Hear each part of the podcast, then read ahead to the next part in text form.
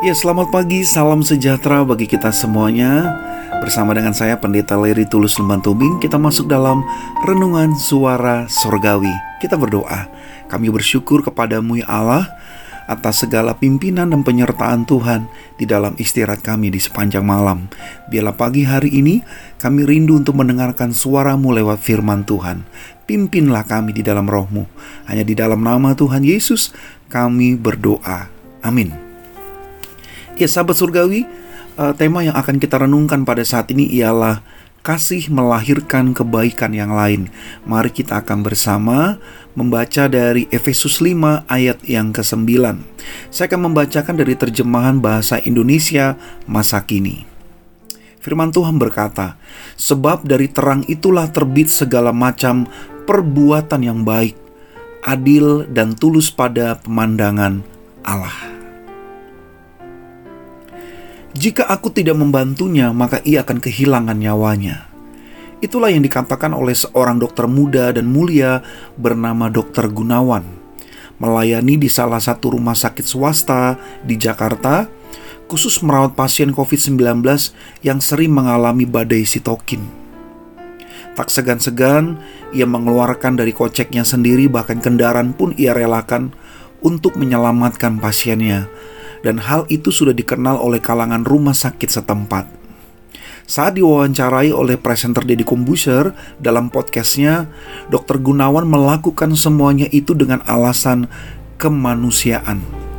Orang tuanya sudah menanamkan prinsip itu dari sejak kecil dengan mengajarkan kepadanya. Jika membantu orang jangan setengah-setengah. Kalau kamu punya uang, tolong orangnya. Kalau kamu punya satu, kamu kasih setengah, orang ini nggak akan selamat. Ya sudah, kamu kasih satu, Tuhan akan mengembalikan yang satu itu dalam bentuk yang lain. Itulah ujar dokter Gunawan menerukan ucapan orang tuanya. Dan tanpa diduga-duga atas kebaikan dokter Gunawan, Dedi Kombuser dan komunitas Indonesia pasti bisa memberikan hadiah berupa uang tunai untuk kemanusiaan dan satu unit mobil bagi dirinya. Dokter Gunawan terharu menerima semuanya itu. Sahabat surgawi, dari kisah nyata ini kita melihat bahwa suatu kebaikan yang lahir dari hati yang penuh kasih sesungguhnya melewati proses pembelajaran yang ditanamkan sejak dini.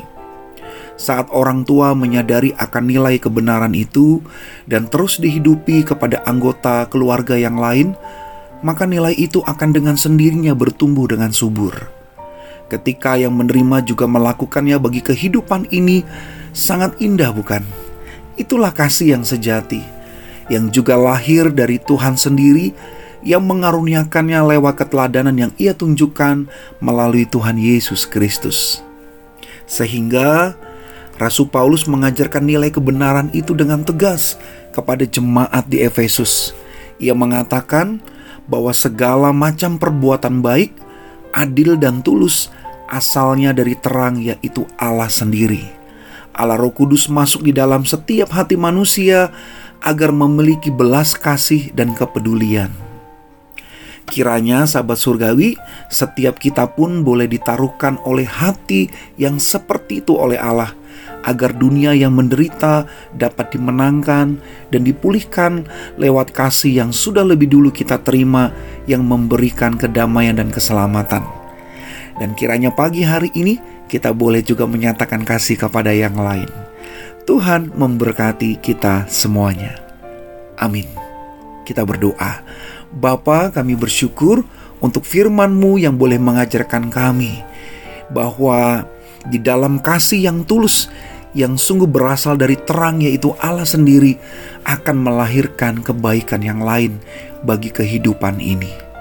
Kami berdoa biarlah Tuhan boleh menuntun setiap hati kami agar kami memiliki hati seperti hati Tuhan yang memiliki kebelas kasihan dan juga melahirkan kebaikan untuk memberikan pertolongan kepada yang lain agar sungguh hidup ini boleh menjadi indah dan bisa dinikmati oleh banyak orang.